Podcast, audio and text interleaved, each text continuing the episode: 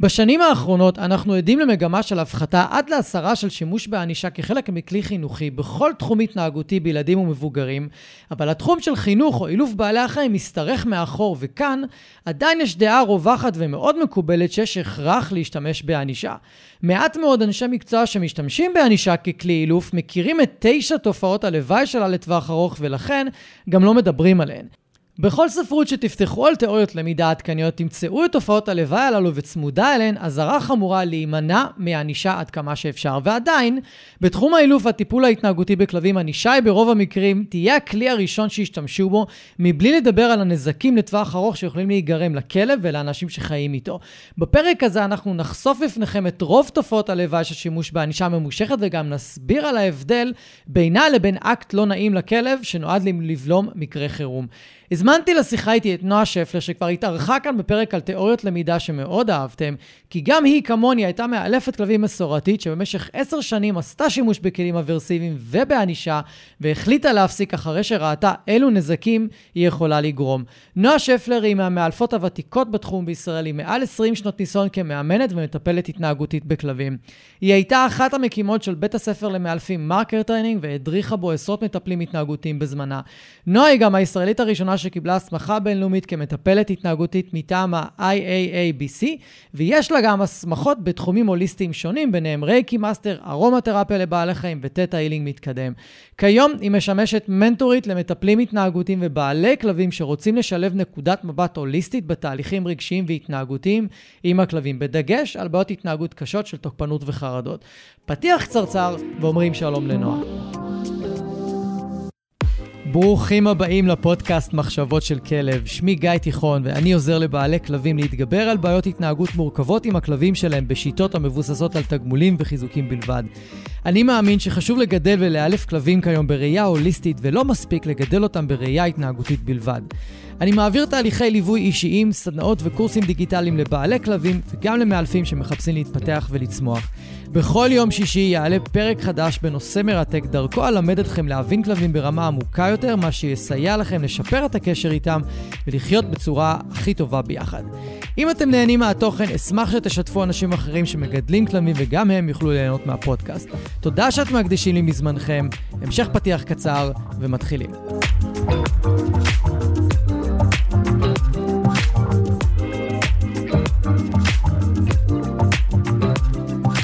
נועה, ברוכה השבה לפודקאסט. תודה, אהלן, כיף להיות פה שוב.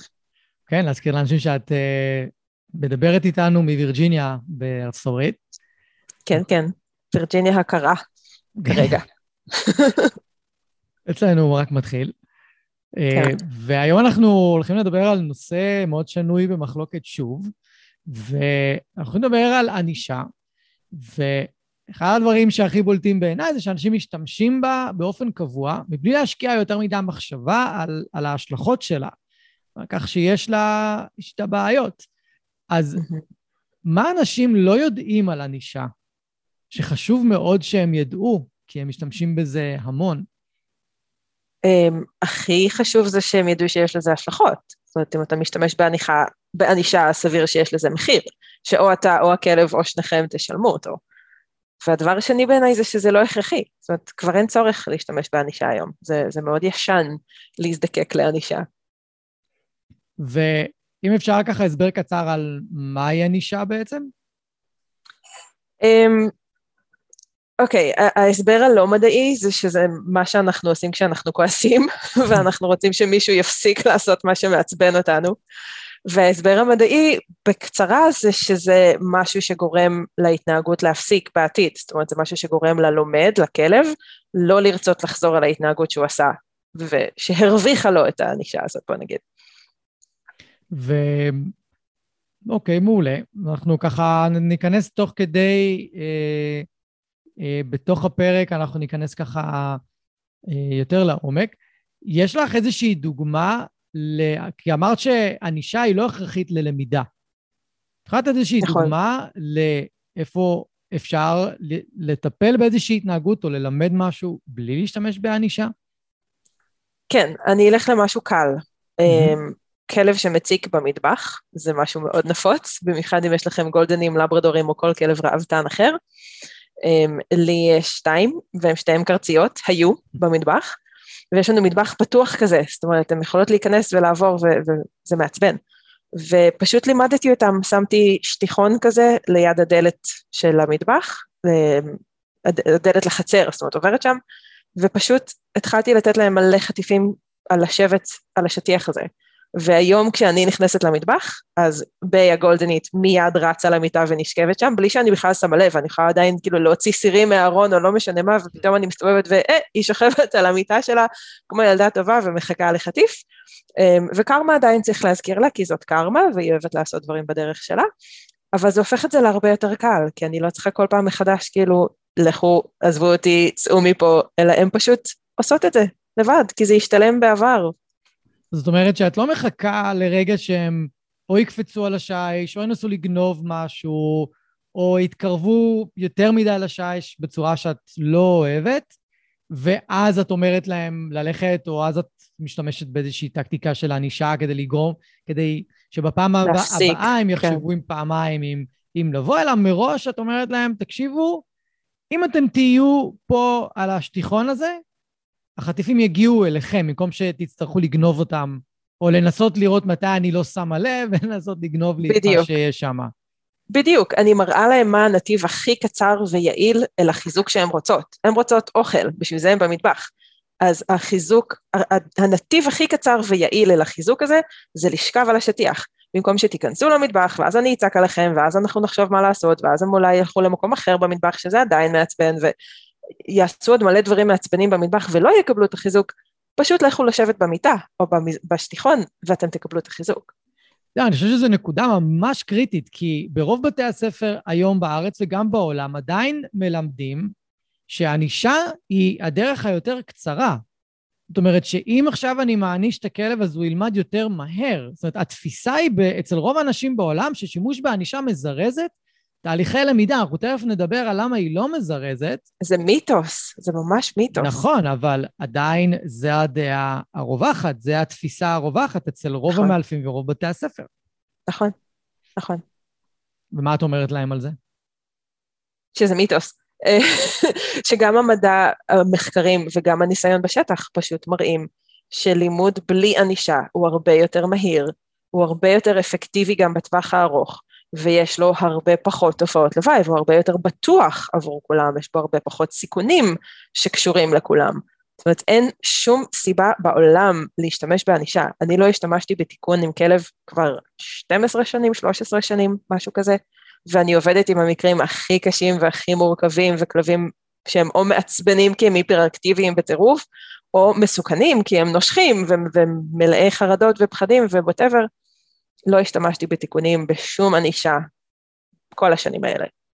אולי כדאי להזכיר בשלב הזה ששנינו, מה שנקרא, מאלפי crossover, שבעברנו השתמשנו בשיטות המבוססות על ענישה, והיינו משתמשים בחשמל וחנקים ודוקרנים, למי שלא הקשיב לכל הפרקים בפודקאסט וככה לא כך מכיר עדיין.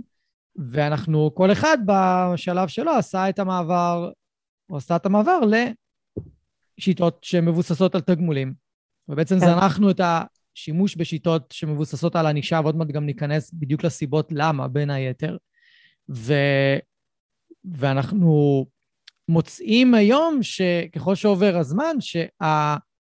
לא רק שזה מיתוס שהיא ממש מיותרת, כאילו, היא מאוד מיותרת בגלל תופעות הלוואי שלה, בגלל שאנחנו, מה שאנחנו נדבר עליו עכשיו. זאת אומרת, המון תופעות לוואי שאנשים לא מודעים אליהן, שהם חושבים שאם אני רק אשתמש בענישה, זה יפתור לי את הבעיה הזאת, וזה יפתור לי את הבעיה הזאת, אבל לא עולה בהם המחשבה לרגע שעצם זה שאני אטפל בענישה בבעיה הזאת, בהתנהגות הזאת שמעצבנת אותי אצל הכלב, תתעורר לי בעיה אחרת בכלל. כאילו, אין לי בכלל את המחשבה וגם... הזאת. וגם פשוט הארכת את הדרך. זאת אומרת, למה כן. לעבור דרך ענישה אם אתה יכול פשוט לעשות נתיב חדש שמבוסס חיזוק ולקבל את ההתנהגות שאתה כן רוצה מיד.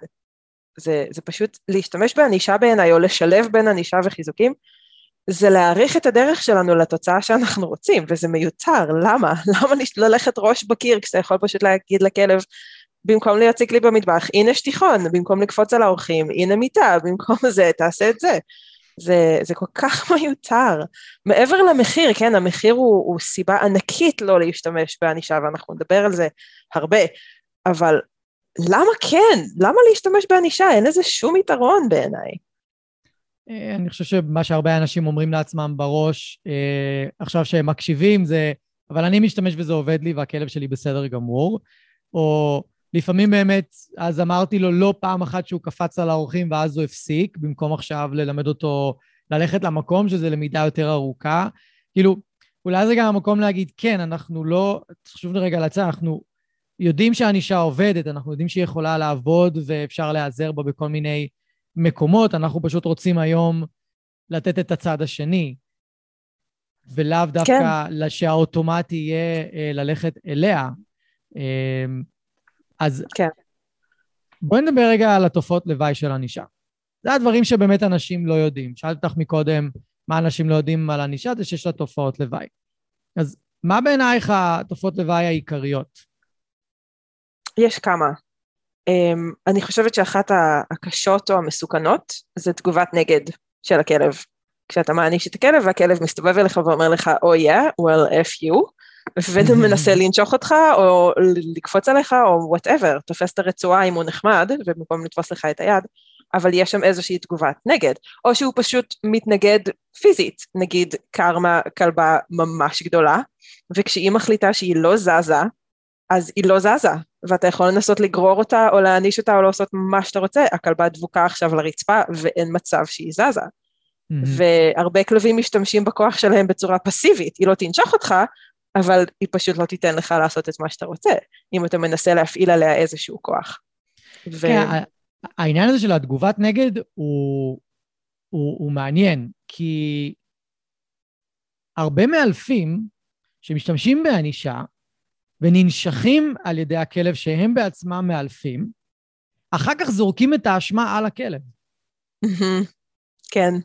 וזה כאילו התירוץ שלהם לזה שהכלב צריך חילוף יותר קשוח, או יותר אגרסיבי, כן. או שהוא צריך יותר משמעת, צריך להראות לו יותר את המקום שלו, כאילו, ואין עצירה רגע לחשוב, שנייה, רגע, אתה אולי השתמשת ביותר מדי כוח עם הכלב, והוא פשוט מנסה להגיד לך ש... או לך, שאתם לגמרי עברתם את הגבול, וכאילו, בתוך התחום של mm-hmm. האילוף, אנשים משתמשים בדיוק בנקודה הזאתי כדי אה, אה, לנגח את הכלב, כדי להראות שהכלב לא בסדר. לא, כאילו, זה לא שאנחנו עשינו משהו כן, שהוא בסדר. כן, כתירוץ להפעיל עוד יותר כוח. הכלב כל כך שבור, בוא נגיד לזה במרכאות, הכלב כל כך לא בסדר, שהוא לא יודע אפילו את מקומו גם כשכועסים עליו, והנה אני צריך להראות לו עוד יותר את מקומו, כי מי הוא בכלל ואיזה חוצפן שהוא מעז להתנגד לענישה שאני הפעלתי עליו. כן, זה, זה אנחנו... מסובב, זה ממש מסובב, כאילו, זה... כן, ואם אנחנו ניקח את זה אפילו עוד יותר פנימה, אז מה שהרבה פעמים מרגיז אותי, כשאני שומע מאנשים, מ- מלקוחות שקוראים לי לעזור להם עם הכלב שלהם, זה שהם מתארים לי סיטואציה שבה השתמשו בענישה עם הכלב. ואני אומר, אוקיי, ניחא, בסדר, השתמשתם בענישה, גיליתם שזה לא בשבילכם, סבבה. ואז הם מתארים סיטואציה שבה הכלב לא מגיב לענישה, והמאלף ממשיך, הוא ממשיך להחמיר אותה, ואז כאילו הכלב מגיב אליו. עכשיו, מה שחשוב נורא להסביר כאן זה ש... הכלב פשוט אומר, אני לא יודע מה לעשות כדי שהבן אדם יפסיק להעניש אותי. אני לא יודע מה אני צריך לעשות. זה בדיוק מה שאמרת, כלב שבור, כלב בחוסר אונים, כלב שפשוט, הוא לא יודע מה לעשות. וואי, יש לי דוגמה מהחיים על זה. כן. יש לי לקוחות עם דוברמן. דוברמן זה כלב שהוא נראה נורא קשוח, ויש לו את ה... לא. את הטיפוס הקשוח, אבל הוא מה זה רגיש, והדוברמן הזה הוא הכי רגיש בעולם. ו... הם הגיעו אליי מבעיות של תוקפנות, מכל מיני סוגים, חלק מזה זה היה פשוט נשכנות גורית כזאת, וחלק מזה היה גם בעיות בין, ביחסים בינו ובין אנשים מסוימים בבית, אחד זה הילד, אחד זה הגבר, כל מיני אינטראקציות כאלה בעייתיות. ולפני כמה ימים הוא מתקשר אליי, עבדנו, עשינו תהליך, הם הבינו, היה שיפור מדהים והכל, ואנחנו בקשר טוב עדיין, זאת אומרת, אנחנו עדיין גם בקשר של חברות וזה, אה, דרך הילדים, זאת אומרת, כולנו ב homeschooling וכאלה. והבחור מתקשר אליי, והוא אומר, אני הייתי באמצע בסופר כזה, אני עונה מה קורה, מה הבעיה, כי אם הוא מתקשר אז אני יודעת שהייתה בעיה, אז הוא אומר לי, תקשיבי, הוא איים עליי אתמול, אני רציתי רק להוריד אותו מהספה והוא איים עליי, וזה אחרי שלפני שבועיים הייתה לי שיחה מאוד מאוד קשה איתם, כי היה מקרה של תוקפנות קשה בבית, והם שקלו מאוד האם צריך להמית אותו או לא, זאת אומרת זה הגיע כבר ממש לרמה קיצונית מסוכנת לכולם. Mm-hmm. זה, זה תמיד היה שם, אבל היה איזשהו מקרה שהם התנהלו בו לא נכון, והסיטואציה יצאה משליטה, וזה היה המחשבה. אז עכשיו הוא מתקשר אליי שבועיים אחרי, הוא אומר לי, אתמול הוא איים עליי, מה אנחנו עושים? אנחנו חייבים להמית אותו עכשיו? כאילו, מה קורה? מה אני עושה מכאן הלאה? אז אמרתי, אוקיי, בוא תתאר לי את הסיטואציה.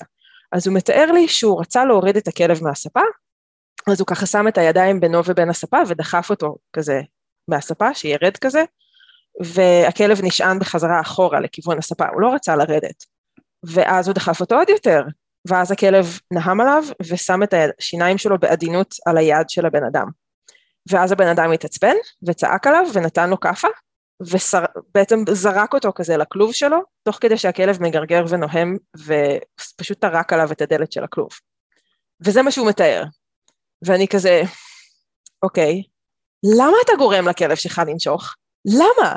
כאילו, מה אתה עושה? ממש. אתה יודע שהכלב הזה זה כלב מאוד רגיש. אתה יודע שהוא מאוד מגיב לא טוב לענישה, וכל מה שאתה עושה איתו זה מפעיל עליו כוחניות. עכשיו זה לקוח שהוא כבר ברמה של חבר, אז יכולתי להגיד לו את זה לפרצוף, שכאילו, אתה זה שיוצר את זה. אם אתה חושב שנמאס, שאתה לא יכול יותר והגיעו מים עד כלות ו- וכל זה, ואתם חייבים להמית אותו, אני יכולה להבין מאיפה זה בא, אני יכולה להבין את הקושי, רק תבין שאתה זה שיוצר את הסיטואציה. ואם אתה רוצה לחיות בשלום ובכיף עם הכלב הזה, אתה זה שחייב לשנות את ההתנהגות שלך, לא הכלב, הכלב בסדר, הוא פשוט מגן על עצמו מתוקפנות של בני אדם, בעיניו. ואחרי זה, וזו עוד נקודה שהייתה בעיניי מדהימה לראות, אחרי זה הוא אומר לי, בקול נורא כזה פגוע, הוא אומר לי, אחרי זה הזמנתי אותו לשבת איתי על הספה והוא לא רצה לעלות. ואני כזה, נשבר לי הלב, כי וואלה, הכלב אומר, זה לא שהוא לא אוהב אותך, הכלב פשוט אומר, אנחנו רבנו, היה לנו ריב מטורף על הספה הזאת, אני לא רוצה לריב איתך שוב, אז אני פשוט לא אכנס איתך לסיטואציה הזאת, כי אני כן רוצה קשר טוב איתך, כי אתה אבא שלי, אז אני פשוט לא אלך לספה. כאילו, שם היה את הריב הזה, ואני פשוט אמנע מהסיטואציה, כאילו, בוא לא נדבר על זה, כזה. וכשאמרתי לו את זה, זה פתאום, וואו, ירד לו כזה אסימון של, וואו, אוקיי, זה, זה היה רגע מדהים, אני חושבת בקריירה שלי, השיחה הזאת. פשוט היה רגע מדהים של תובנות עבורו. כן, נשמע ככה, זה, זה גם סיפור מאוד מייצג. זה קורה להרבה אנשים לגמרי. שיש להם כלב רגיש ומתגונן, שלא מגיב טוב לכפייה פיזית, על נכון. כפייה פיזית של תזוז, שמזיזים את הכלב מ... ממקום מסוים, הוא לא מגיב לזה טוב, הוא מפרש את זה כאיום על החיים שלו, וזה לא הלברדור המצוי ש... אומר, טוב, אני ארד, אה, לא נורא, כן. אני אלך למקום אחר. לא, כן. זה כאילו, זה לא עובד עם, עם כלבים כאלה, וזה מוביל אותנו ישר אה, לתופעת לוואי השנייה, תכלס, אני מרים לך פה.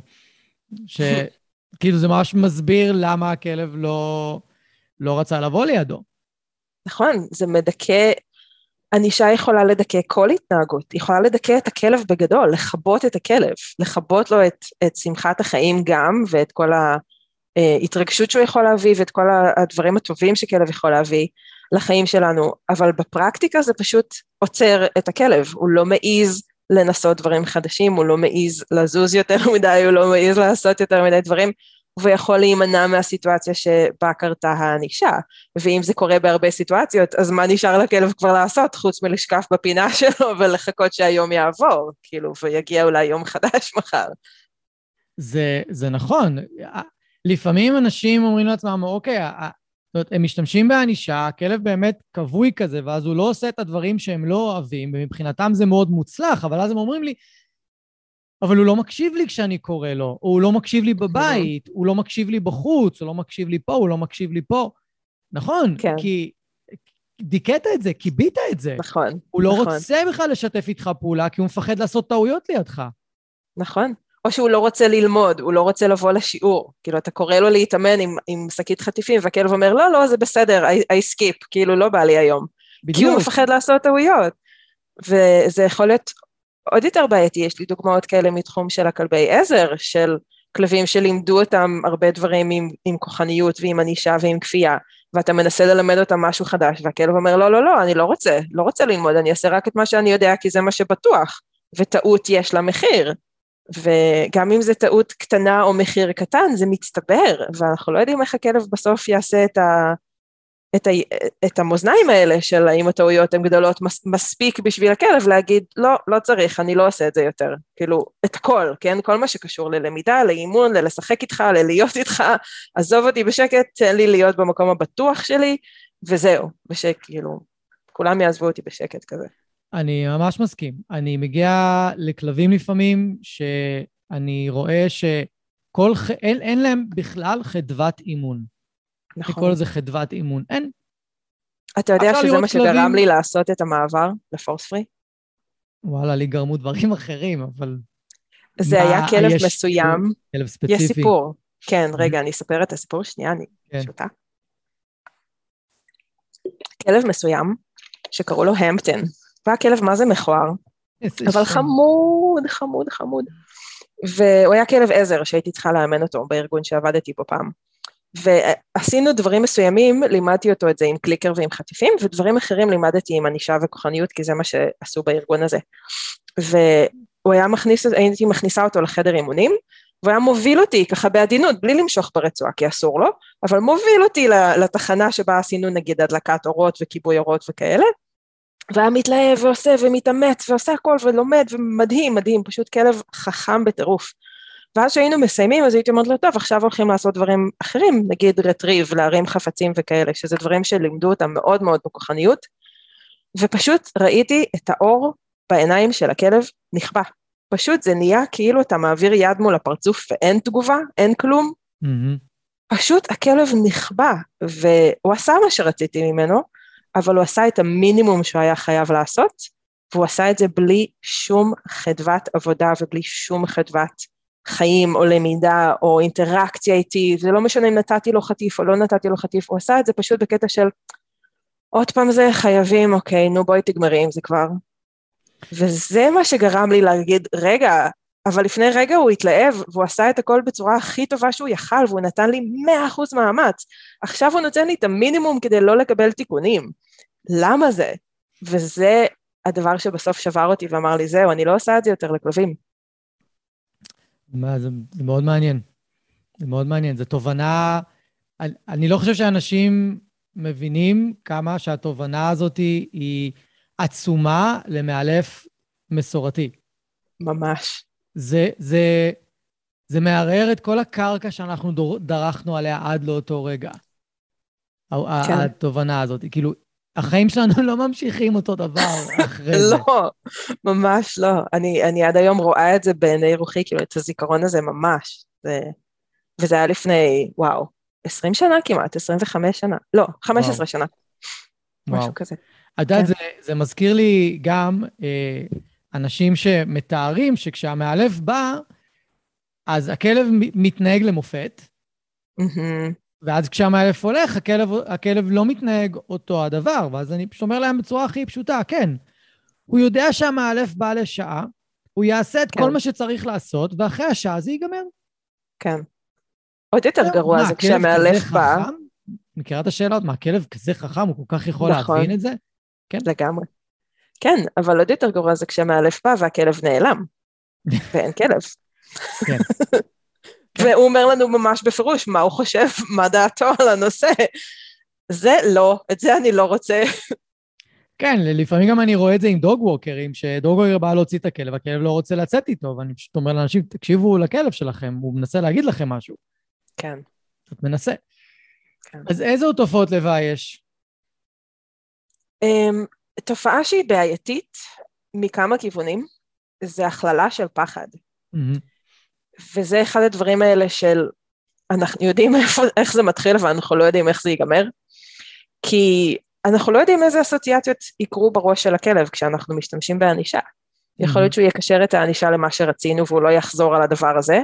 למשל, כלב שמחטט בפח ואנחנו שמים בפח איזה משהו שיבהיל אותו ואז הכלב לא מחטט יותר בפח, mm-hmm. אבל אנחנו לא יודעים אם הכלב יקשר את זה גם לעוד דברים.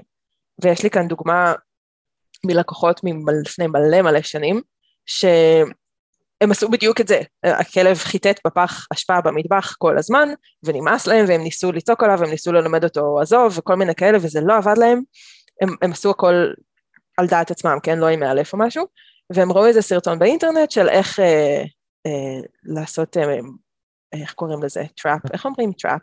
נפצים? לא נפצים, משהו עם בלון, אוקיי? אוקיי. להפחיד את הכלב עם בלון בפח, וזה עבד מעולה, הכלב טס מהמטבח כאילו שמפלצת רודפת אחריו, והם התקשרו אליי אחרי שבוע, כי הכלב לא יצא לעשות צרכים כבר שבוע מהבית. מאותו הרגע הכלב סירב לצאת מהבית, כי כדי לצאת מהבית הוא היה צריך לעבור דרך המטבח, והמטבח יש מפלצת. אנחנו לא עוברים דרך המטבח, יש שם מפלצת והיא תאכ- היא תאכל אותנו. אז הם התקשרו אליי כי הם פתרו את הבעיה של הפח, אבל הם יצרו בעיה הרבה יותר גדולה, של הכלב לא יהיה מוכן לצאת מהבית, הוא לא יוצא לטיולים, הוא לא יוצא לעשות פיפי קקי, הוא עושה את הכל בשירותים שלהם, הוא פשוט מצא איזה פינה במקלחת, ושם הוא עשה את, ה- את הצרכים שלו, ובחדר אה, כביסה כזה. וזה תסכל אותם בטירוף, אבל הם אלה שיצרו את הבעיה, אתם עשיתם את זה במו ידיכם. וזה. דוגמה מטורפת של הכללה, של הכלב אומר, אוקיי, זה לא רק הפח יהרוג אותי, זה המפלצת חיה במטבח, למה שאני אכנס למקום המסוכן הזה? וזה אולי נדיר הדוגמה הזאת כקיצונית, אבל זה בדיוק הבעיה עם ענישה, שאנחנו יודעים איפה זה מתחיל ואנחנו לא יודעים איפה זה ייגמר. אין לנו שום שליטה על הלמידה של הכלב. אנחנו יכולים רק לנסות לשלוט בסיטואציה. מה שהכלב מסיק ממנה זה בראש שלו. ואנחנו לא יכולים להגיד לו, לא, לא, תקשיב, זה רק היה הפח, אנחנו רק רצינו שלא תיגע בפח. מבחינת הכלב, לא, זה מפלצת מטבח שתאכל אותו. וזה זה קורה, זה קורה המון עם ריאקטיביות ועם תוקפנות, במיוחד על רצועה בטיולים. חרדות, שאנחנו... חרדות ופחדים מלצאת לטיולים. זה... כן.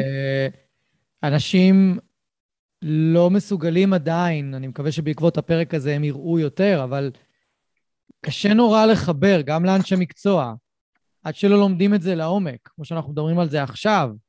מהמם. יש דברים שאתם תעשו ביום-יום עם כלב, של ענישה בבית, על דברים טריוויאליים, דברים בסיסיים, אם יש לכם כלב שמפחד לצאת לטיול, וזקוק שתנהיגו אותו, וזקוק ל- ל- לסמוך עליכם, וזקוק להאמין שאתם תעשו את מה שטוב לו בטיול.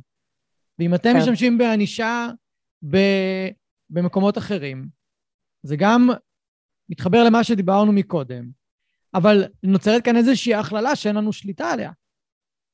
כן, זה גם לא חייב להיות משהו קיצוני, זאת אומרת, מספיק נכון. שהכלב הוא כלב אכלן, וכל הטיול אתם מושכים לו ברצועה ומנסים להעניש אותו על זה שהוא מרים דברים מהרחוב, אבל דרך אגב הוא גם ריאקטיבי לכלבים, ובמקרה זה יוצא גם כשהוא ראה כלב, ואז בדיוק נתתם לו תיקון, והכלב פשוט לא רוצה יותר להיות בטיולים, או שהוא יוצא לטיולים אבל הוא חווה את הסטרס כי הוא מצפה לענישה. זה לא משנה שהענישה היא על דבר אחד והכלב, ההתנהגות הבעייתית היא על דבר אחר, זה משפיע על הכל. וזה אני חושבת מכניס אותנו לדבר הנוסף של uh, תופעת לוואי משמעותית, שזה זה מכניס סטרס רציני לחיים של הכלב. זה מכניס אותו לסטרס גבוה או לסטרס כרוני או שניהם. וזה זה בעייתי ממש, כי הרבה הרבה הרבה התנהגויות שהן לא רצויות בעינינו, שהן נחשבות בעיות התנהגות של כלבים, נובעות מסטרס. אז הנה, אנחנו במקום לנטרל גורמי סטרס בחיים של הכלב, אנחנו בעצם הגורם סטרס, אנחנו מוסיפים לו עוד סטרס לחיים, ואז מצפים שהכלב יתנהג רגוע ושלו ויצא לטיולים בסבבה, ויעשה כל מה שמבקשים ממנו, ו... יקשיב לנו, יבוא כשאנחנו קוראים לו. כן, כן, בנחת, בכיף, בהתלהבות. אין, זה לא יקרה, הכלב בסטרס, כאילו. את הזכרת לי סיפור מקודם, אה, הזכרת את הכלב אכלן מהרצפה שמתקנים אותו על זה. לפני כמה מהמם. שנים הגעתי לבית עם כלבה בשם קרמה, אה, ותיארו לי שהיא ריאקטיבית לאנשים, שהיא מתפרצת על אנשים ברחוב. כן. יצאנו לטיול, ויש גם בעיה עם כניסת אורחים. אוקיי, נפגשנו למטה, יצאנו לטיול. ואני שם לב על תחילת הטיול, שהם מושכים אותה המון מז... בגלל שהיא אה, מנסה להרים דברים על הרצפה. ומה אני שם לב? Mhm. שכל פעם שמושכים אותה מלהרים משהו על הרצפה, הפוקוס שלה עובר לאנשים ברחוב, והיו כמה פעמים שהיא התפרצה Mhm. על אנשים ברחוב אחרי זה. Mm. אמרתי כן. להם, תפסיקו לתקן אותה על זה שהיא אוכלת אוכל ברחוב. נתתי להם דרכים אחרות להתמודד עם זה. כן. אבל בשיעור אחד מזה, ש... מזה שהפסקנו את התיקונים על אכילה מהרצפה, היא הפסיקה להתפרץ על אנשים ברחוב. כן, ברור. כי הורדת את הסטרס. משינוי אחד קטן. כן. סטרס זה, זה כזה גורם משמעותי, ואני חושבת שאו שאנשים לא מודעים לזה בכלל, או שאולי מישהו אמר להם על זה משהו והם חושבים שזה מין וו-וו כזה, רוחני, של כל ההיפים האלה, שרק אה, מלטפים את הכלב ואומרים לו כמה שהוא מדהים ובלה בלה בלה.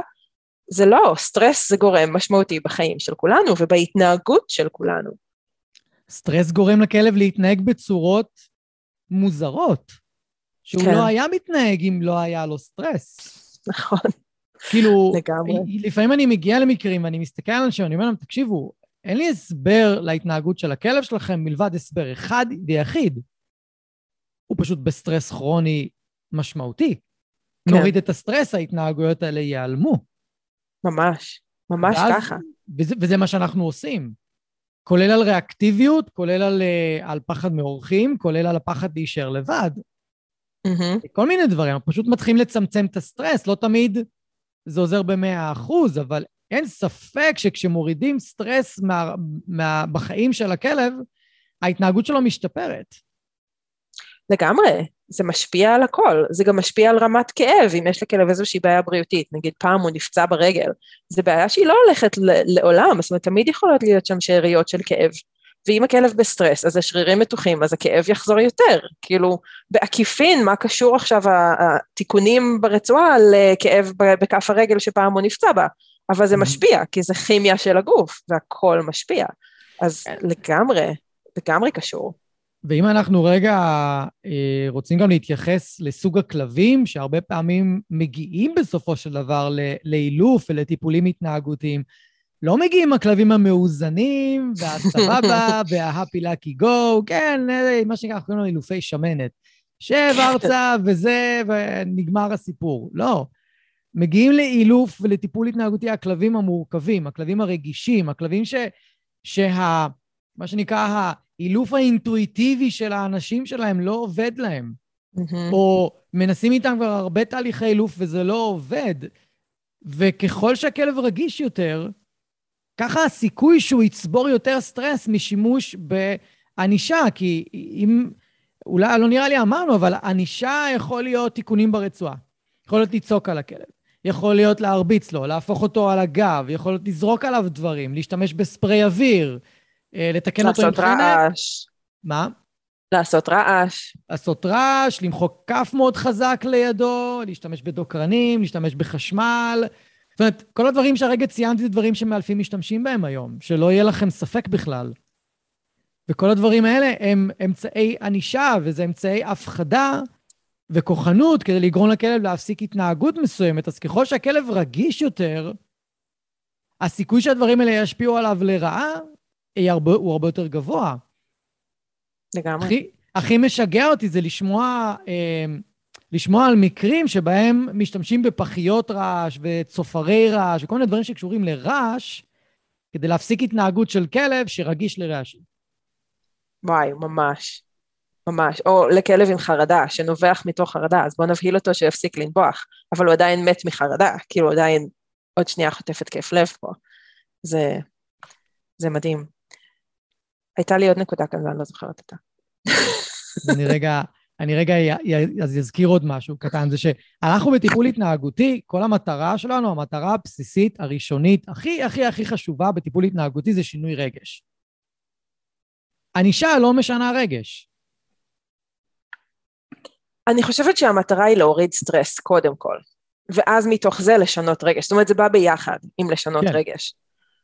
ההפחתה של הסטרס היא גורם כל כך משמעותי, ואני חושבת שאנחנו כמאלפים פורס פרי אה, בישראל, אני חושבת שהתחום הוא מאוד טוב בלהגיד לאנשים אה, לזהות את, ה, את הגורמי סטרס בחיים של הכלב ולהצביע להם, אוקיי, הכלב חווה את זה כענישה למרות שלא התכוונתם, או ש whatever, או שכאן יש לכם שאריות של ענישה שלא הורדתם עדיין, או whatever, אבל אנחנו עדיין לא מספיק טובים באיך לפרוק את, את המתחים כן. האלה.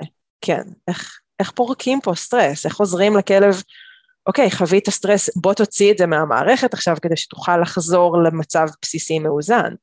וזה משהו שאני חושבת שצריך לשים עליו דגש. לגמרי, אז אם כבר את אומרת, מה הכלב יכול לעשות כדי לפרוק סטרס? מה שהוא רוצה.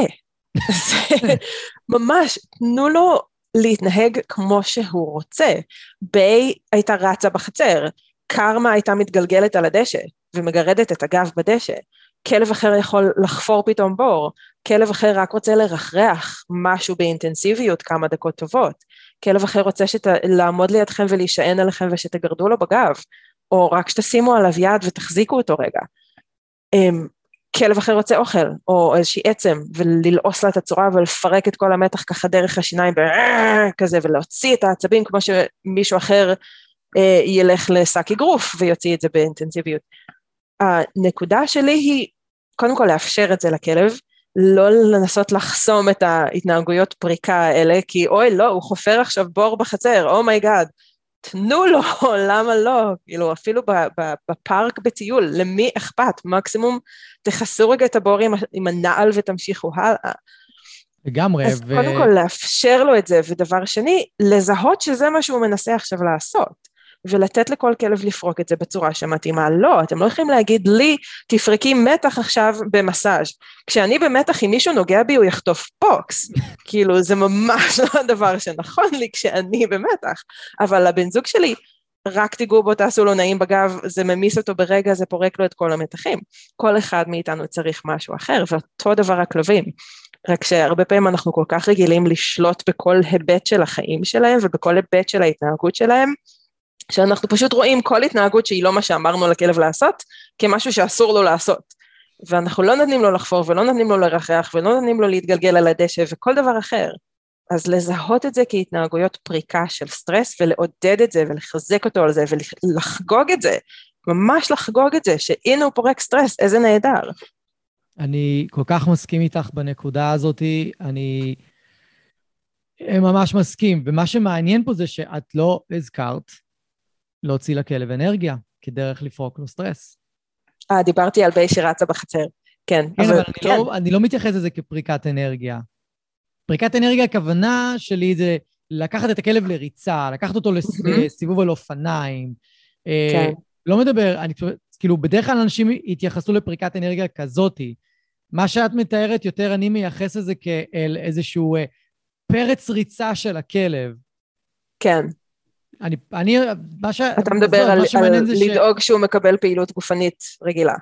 כן, שלא הזכרת את זה. כן. אז אם אני מבין נכון, נכון זה כי, כי זה לא פורק מתח, זה פשוט מנגנון אחר, זה לא אותו מנגנון של פריקת מתחים. זה לא קשור, מתחים. נכון, בדיוק. נכון, זה לא קשור. ודווקא העניין של ריצה, זה משהו שאם אנחנו יכולים לעודד את הכלב שלנו לרוץ. נגיד עכשיו היינו בסיטואציה מלחיצה עם הכלב, בטיול או בבית או לא משנה מה, אם אנחנו יכולים רגע לגרום לכלב להיכנס למצב משחק, שהרבה פעמים זה אומר פשוט ריצה. הכלב כן. עכשיו נבהל ממשהו ברחוב, תקראו לו ותתחילו לרוץ איתו בהשתובבות כזאת. לא חייב רחוק, זה לא ריצת מרתון. כמה צעדים, תרוצו איתו ותשמחו איתו ותגרמו לו כזה לקפוץ ולרוץ ולצאת מעצמו, וכשתעצרו אחרי כמה שניות, הכלב יתנער, הכלב יפרוק את שאריות המתח ממנו. אז דווקא התנועה הזאת היא מאוד מאוד מעודדת פריקת מתחים. לקחת את הכלב לפעילות גופנית כדי לעייף אותו כזה, ה exercise הזה הרגיל, זה לא מה שפורק מתחים ולפעמים זה דווקא מוסיף מתחים. למשל נכון. לשחק אה, עם כדור 300 פעם או 30 פעם, זה מוסיף סטרס לכלב, יש כלבים שזה מלחיץ אותם. לחץ אולי יותר חיובי, אבל זה עדיין לחץ. כי הם באינטנסיביות מאוד מאוד גדולה רגשית לפעמים, כשהכדור זה הדבר של oh my god, oh my god, כן, כן, כן, וזה מלחיץ. אז כן. לא, זה לא יעזור לפרוק לו את הסטרס הזה. כן, אני מכיר את הריצה שדיברת עליה אחרי אירוע מפחיד כ- כאקט שפורק את תגובת ה-fight or flight. נכון. ש- שזה מה שזה עושה, כאילו יש, יש לזה, יש מאחורי זה תמיכה מדעית. מדעית, כן. ממש. כן, ו- ויש די, שיטות די שלמות די. של טיפול בפחדים ובבעיות תוקפנות בעזרת משחק. אם אנחנו מלמדים את הכלב לשחק איתנו מחוץ לבית, מחוץ ל- לרחוב, כאילו בכל מיני מצבים שקשים לו, ואנחנו לאט לאט מלמדים אותו לשמור על מצב רגשי מאוזן מספיק כדי שהוא יהיה מסוגל לשחק איתנו, א', יש לנו אינדיקציה טובה, האם הוא מוכן לשחק איתנו עכשיו, כן או לא, זה כמו האם הוא מוכן לאכול חטיף, כן או לא, רק שזה רמה עוד יותר עדינה, כאילו עוד יותר uh, subtle. של מידע מהכלב של כמה אני לחוץ. כי לאכול הם יאכלו, אבל לשחק הם לא, אם הם לחוצים קצת יותר מדי. כן. אז זה מאוד מאוד חשוב, ואתה יכול להשתמש בזה גם כמידע על המצב הרגשי של הכלב כרגע, וגם כממש תרפיה של ללמד את הכלב, זה בסדר שעוברות משאיות שם במרחק, בואו נשחק עכשיו פה, ולאט לאט מתקרבים, או whatever הטריגר של הכלב. זאת אומרת, זה, זה ממש אלמנט חשוב, המשחק הזה. זה יכול להיות משחק שהוא ריצה כמה צעדים, זה יכול להיות משחק משיכות עם הכלב, mm-hmm. זה יכול להיות סתם משחק בין אישי כזה שאנחנו נוגעים בכלב ומסתובבים איתו. זה דברים חשובים ש, שלא מספיק כלי בעיניי באימון בארץ, ב force free בארץ, ובכלל. כן, אני חושב שאנחנו מתחילים לנוע יותר לכיוון. אני מתחיל לשים לב. Um, יש עוד תופעות לוואי שכדאי שהם ידעו? כדאי hmm. לדעת עליהן? כן. ענישה מחזקת את המעניש. זו תופעת לוואי קשה. קשה. כי כן. זה מחזיר אותנו להגדרה ממש בתחילת הפרק של מה זה ענישה. ענישה זה מה שאנחנו עושים כשאנחנו מתוסכלים. זה מה שיוצא לנו טבעי מהגוף או, או מהקול. וזה מה זה מחזק? כאילו אם אני עכשיו דופקת צעקה והילדים שלי משתתקים ומפסיקים לזוז ולטמטם לי את המוח רגע, וואי זה מה זה כיף לי באותו הרגע, שנייה הרווחתי שקט. כנ"ל כלב, כן, כנ"ל כל, כל בעל חיים. יש לנו עופות שקוראים להם גיניז, והם עופות uh, שצועקים עליך, הם נורא טריטוריאליים. אז כש, כשמישהו נכנס ל, לחצר של התרנגולות, יש להם חצר גדולה מגודרת, כשמישהו נכנס לשם, אפילו לתת להם אוכל או מים, הם פשוט צועקים עליך כי אתה בתוך הטריטוריה שלהם, והם עושים מלא רעש, והם מתגודדים סביבך בכזה, לך מפה, לך מפה, לך מפה, לך מפה. עכשיו, זה לא עוזר לטווח ארוך, אבל וואלה, לפעמים יוצאת לי כזה, שתיקו! ולשתי שניות הם בשקט. זה לא פותר לי את הבעיה, אבל לאותו הרגע זה מה זה מחזק. אז כן, אני אעשה את זה שוב בפעם הבאה, אם זה מתסכל אותי ומוציא אותי מדעתי. רק שזה לא באמת פותר את הבעיה, זאת אומרת, זה מין, אתה יודע, זה, זה נותן לנו אשליה של פתרנו את הבעיה, אבל אם אנחנו רגע נסתכל על הסיטואציה באמת, עם הכלב שלנו, אם אנחנו עוד פעם ועוד פעם צריכים לתת לו את הענישה הזאת, את התיקון הזה, על אותה בעיה, באותה סיטואציה, לא עשינו כלום חוץ מלהעניש את הכלב. כאילו לא עשינו כלום חוץ מלהכאיב לכלב, להפחיד אותו, לפגוע בו. זה לא באמת שינה. לא, זה לא חינוך, זה פשוט ה... פשוט דרך קלוקלת שלנו להתמודד עם מה שלא מוצא חן בעינינו באותו רגע. זה, לא כן. חינוך, כי חינוך לא מתקיים, חינוך מתקיים עם ההתנהגות של הכלב או בן אדם, של הלומד משתפרת. משתנה, משתנה. כן, כן ומשתנה, ו- ואם היא לא, אז אין פה, אין פה חינוך, אין פה כלום. נכון, סתם, ואז זה לא... זה כבר עובר את הגבול שתכף נדבר עליו, אבל זה אה, עובר גבול עדין מאוד בעיניי. ו... כן. אז כן. זהו, אני חושב שהנקודה הזאת הייתה עבורי מאוד משמעותית, כשאני הבנתי ולמדתי יותר על תופעות לוואי של ענישה, אז הענישה מחזקת את המעניש הייתה מאוד מאוד מאוד משמעותית עבורי.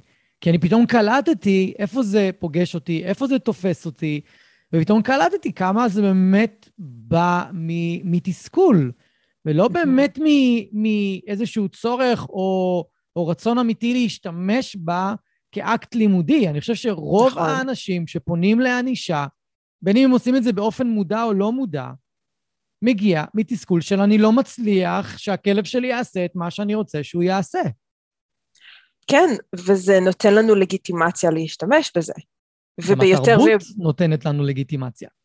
נכון, אבל גם התהליך הזה של אם אני מעניש את הכלב שלי ופעם זה עבד ועכשיו פתאום זה לא עובד, אני צריך להחריף את זה. נכון. אני מרים את הכל קצת יותר, אני מפעיל קצת יותר כוח, אני נהיה קצת יותר אסרטיבי או כוחני כדי לגרום לו, רגע, אבל אמרתי לך להפסיק, כאילו, דמת. ואנחנו מרגישים את הלגיטימציה הזאת, כי לפני כמה רגעים זה עבד, זאת אומרת, בפעם הקודמת זה עבד והוא הפסיק, עכשיו הוא לא מפסיק, כנראה שהוא לא בסדר, אז אני צריך להפעיל יותר כוח. וזה שוב מחזיר אותנו למדרון החלקלק הזה של זה אפקט ידוע של שימוש בענישה גורם לשימוש ביותר ויותר ענישה וביותר ויותר כוח. כן, יש, איך, איך זה נקרא? אה, לא הסתגלות לענישה, אה, יש איזה, יש איזה מונח. יבלת התנהגות, יבלת ענישה. כן, שכאילו, הם פשוט מסתגלים אליה. נכון, נכון. אנחנו פשוט לומדים לסבול את זה, וזה פחות משפיע עלינו. כן, כביכול, כן, זה עדיין משפיע מבחינת סטרס, אבל זה לא משנה את ההתנהגות.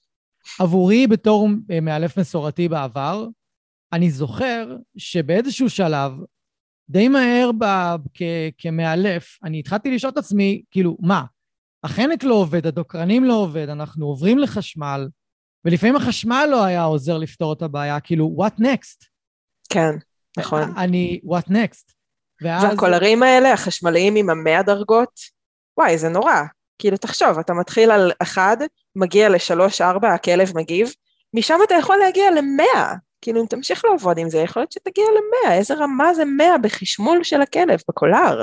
זה, זה, זה מזעזע בעיניי, קולרים עם כאלה, כאלה רמות. זה כביכול, זה כביכול מאפשר לך יותר עדינות בעבודה, כי במקום שיש לך שלוש רמות או חמש רמות, יש לך גם רמות יותר נמוכות ויותר שלבים בין לבין.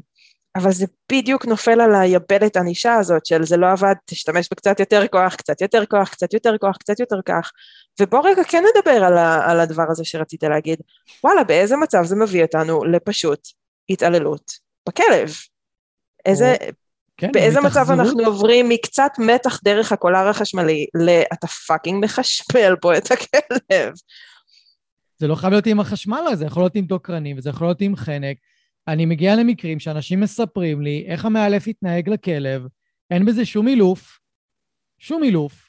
זה נטו פריקת תסכול של המאלף על הכלב, שהוא לא מצליח כן. לאלף את הכלב, הוא לא מצליח נכון. להביא את התוצאות שהוא רוצה.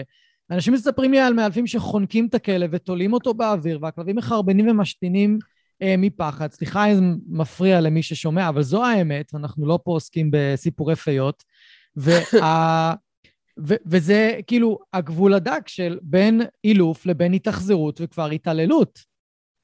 וכאילו, כן. ענישה יכולה להביא אנשים בלי שהם שמים לב לעבור את הקו הזה. והרבה פעמים, בהרבה פעמים בהדרכת איש מקצוע עוד, ש- שאומר להם זה בסדר, אתם יכולים לעשות את זה. והכי טוב זה, זה לא כואב לו. כן, זה לא כואב לו. fuck, אם זה לא כואב לו, למה שהוא, לא, למה שהוא ישנה את ההתנהגות? ברור שזה כואב לו. ברור כן. שזה כואב, כאילו מספיק שאתה מפעיל עליו קצת לחץ עם היד שישב זה יכול לכאוב לו. אנחנו לא יודעים איך הוא מרגיש בגוף. כאילו... כן, זה, זה מתחבר למה שאמרנו מקודם, שככל שהכלב רגיש, חוויית הלמידה שלו יכולה להיות הרבה הרבה הרבה יותר אברסיבית ממה שאנחנו יכולים לשער או, או חושבים. אני, אני יכול, אני מסתכל סתם על האחיינים שלי, שהם כל כך שונים באופי שלהם. ואחד חווה אי נעימות מכמעט כלום. שימי אותו בח... בסביבה חברתית עם הרבה אנשים, הוא באי נעימות. כן, די יש גדולה. לי כזה. יש לי גדולה. כזה בבית. שימי את האחיינית בסביבה כזאת, היא פורחת, איפה כולם? בואו. יש לי גם כזה בבית. יפה, אז איך אנחנו בכלל יכולים להגיד, לא, זה לא מזיז לו, לא, זה לא כואב לו, לא, זה בסדר. איך אנחנו יכולים לדעת? זה בדיוק מה שאמרת מקודם, אנחנו יודעים איך זה מתחיל שאנחנו משתמשים בענישה, אנחנו לא יודעים איך זה ייגמר, וזה מוביל אה, אותי להגיד איזשהו משפט שאני כל הזמן אומר, שהתנהגות זה לא אחד ועוד אחד שווה שתיים. כן. התנהגות זה אחד ועוד אחד שווה שלוש, ולפעמים ארבע, ומחר אולי עשר, ומחרתיים אולי שבע. אנחנו לא יודעים. לא, הכל נחמד אנחנו... ויפה בתיאוריה. אנחנו לא יודעים מה הכלב מרגיש ומה הכלב חושב. בוא נגיד את האמת. אנחנו, אנחנו לא יודעים. אנחנו משערים. אנחנו מנחשים עם איזשהו מידע מקדים. כן. זה השערה, כן. נכון. ואני חושבת שאין לנו את הזכות לעשות דברים שאולי יחוו בעיני הצד השני, וזה לא משנה אם זה בני אדם או חיות, כלא נעים, כמכאיב, כפוגע, כמפחיד, מלחיץ, אברסיבי, סתם לא נעים לנו. אוקיי? מספיק שלי נגיד, אני נורא רגישה לרעשים, מספיק שהבן שלי שורק בטון מסוים. עזוב שריקה, שון מתעטש, כששון מתעטש כל הבית רועד. זה כואב לי באוזן, אז באוטו, אם הוא יושב לידי באוטו, כשהוא עושה את, ה... את הנשימה הזאת שלפני האפצ'י, אני מכסה את הידיים, כאילו את, את האוזן שקרובה אליו, אני מכסה עם היד, גם אם אני בנהיגה, בדרך כלל זאת שנוהגת. כי זה כואב לי פיזית, והוא עושה כזה אפצ'י, אתה יודע, הוא שם את היד על הפה, אבל זה לא מספיק, זה לא מספיק מפחית את הכל. עכשיו, הוא לא עושה את זה כדי להעניש עליי, כן? אבל זה רק דוגמה לאיך אנחנו חווים את זה אחרת. מבחינתו, מה את רוצה? עשיתי אפצ'י, כאילו, זה לא שאני יכול לשלוט בזה. עבורי, זה כואב לי באוזניים, זה ממש עושה לי צלצולים באוזניים, כאילו שמישהו עכשיו פוצץ נפץ ליד האוזן שלי. כי אני, החושים שלי מאוד מאוד רגישים. וזה אותו הדבר עם הכלבים, אתה לא יכול לשאול את הכלב אם זה נעים לו או לא, אתה יכול רק לנסות לפענח את ההתנהגות שלו. וזה גם מה שעזר לי לעשות את המעבר, זה כשהבנתי מה זה סימני הרגעה, ואיך לפענח התנהגות בתור הכלב אומר לי, זה לא נעים לי, זה מלחיץ אותי, אני עכשיו במתח ובסטרס או בפחד. ופתאום ראיתי את ההתנהגות שלהם בצורה שונה, שהראתה לי את המראה על ההתנהגות שלי, מה שעשיתי עכשיו, וואלה, הכלב אומר לי, אוקיי, זה לא היה לי כיף, זה לא היה לי נעים, זה הלחיץ אותי, זה הכאיב לי. זה, זה גורם מאוד משמעותי. אז כן, כל, כל הנושא הזה... אני חושבת שאנחנו חייבים ללמוד להקשיב להם, לא רק שהם יקשיבו, יקשיבו לנו, כן? זה לא רק בוא נלמד את הכלב פקודות כדי שהוא יקשיב לנו ויתנהג כמו כלב טוב. לא, זה צריך להיות תקשורת דו-כיוונית. במיוחד, כן. במיוחד אם אנחנו רוצים להפעיל איזושהי ענישה, כי זה טבעי לנו, כי אנחנו חושבים שזה נחוץ או, או אה, הכרחי או בסדר או whatever, סבבה, אבל בואו תקשיבו לכלב ותנסו לראות איך הוא מגיב לזה ומה הוא אומר. כן, גם האבסורד הוא זה שאם אתם תקשיבו לכלב יותר, הוא יקשיב לכם יותר. נכון. כאילו, זה, זה, זה, זה, ה, זה הסוד. כן, זה הסוד. ממש, ממש ככה. כן. Um, אני ככה אציין איזושהי uh, תופעת לוואי אחרונה שנדבר עליה, ותגידי לי ככה מה, מה את חושבת עליה. Uh, את דיברת עליה קצת בעקיפין, שלהשתמש בענישה הרבה פעמים זה הדרך הארוכה. ואני זוכר שבאתי לקורס crossover במרקר, שאת אה, לימדת שם. נכון? כן. זוכרת? כן. בטח. ואת אמרת... איך אפשר לשכוח? כן. אה, דווקא היה לנו קורס טוב שם, מבחינת המאלפים. כן, אתם הייתם מחזור מעולה. כן, הרבה יצאו משם force free בסופו של דבר. נכון. ואני זוכר, ש... זוכר דוגמה שאת נתת לגבי אה, אה, שגם אם אני משתמש בענישה, אני עדיין חייב להגיד לכלב מה כן. בסופו של דבר. ואם אני לא אומר לו מה כן אחרי שאני משתמש בענישה, אני משאיר אותו בוואקום התנהגותי. וכמו, נכון. ואז אני נתת דוגמה, זה כמו להיכנס למונית ולהגיד לנהג, אל תיקח אותי לבת ים, אל תיקח אותי לתל אביב, אל תיקח אותי לפה, אל תיקח אותי לפה, והוא כאילו צריך לנחש מה אני רוצה... לאן לקחת אותי. כן, לאן לקחת אותי, וזה, וזה בדיוק אותו דבר. אם, אם הכלב עושה משהו, אומר לו לא, ואז הוא עושה את זה, לא, גם זה לא, וזה, וגם זה לא. קודם כל, כמה תסכול מצטבר תוך כדי תהליך הלמידה. ומתח. אז זאת אומרת שאני חייב להגיד לכלב מה כן, אז למה שאני לא אגיד לו מההתחלה מה כן, כמו שאת אמרת, הוואקום נכון. ההתנהגותי הזה הוא נוראי. עבור כן, הלומד. לכל הצדדים. לכל הצדדים, כי כשאני אומרת לכלב לא, יש לי בראש תמונה של איך אני רוצה שהוא יתנהג. זאת אומרת, mm-hmm. כשאני אומרת לכלב אל תקפוץ על האורחים, יש לי איזושהי תמונה בראש של אני רוצה שהכלב שלי יתנהג ככה וככה, אבל אנחנו לא למדנו עדיין להגיד את זה לכלב, ולכן אנחנו אומרים לו פשוט לא, ומצפים שהוא יבין לבד, אני רוצה שתתנהג X במקום Y. אז הכלב מנסה אופציות, מנסה עוד אופציה, עוד אופציה, עוד אופציה, זה לא עובד. גם הוא נהיה מתוסכל ולחוץ, וגם אני נהיית מתוסכלת שלו, למה זה לא עובד? אני פשוט רוצה שתפסיק לקפוץ על האורחים, כאילו, זה כל מה שאני רוצה. אבל זאת לא הדרך להגיד לכלב איך להתנהג. כי אני חייבת להגדיר קודם כל לעצמי איך זה נראה כשהוא לא קופץ על אורחים, ולחדד mm-hmm. את זה לרמה שאני יכולה להסביר את זה למישהו שלא מדבר את השפה שלי. לגמרי. ולא חושב כמוני, ולא רואה את העולם כמוני. ו... לגמרי, ואני אמשיך אותך ואני אגיד שאם אני רוצה בסופו של דבר שהכלב שלי יתנהג בצורה מסוימת, אני חייב את האסטרטגיה באיך ללמד אותו. נכון. מה שמדהים פה זה שכשיושבים ועושים אסטרטגיה של איך אני מלמד את הכלב התנהגות מסוימת, גם אם היא מאוד מאוד מורכבת, אני יכול להשאיר את הענישה בצד. אני לא צריך אותה.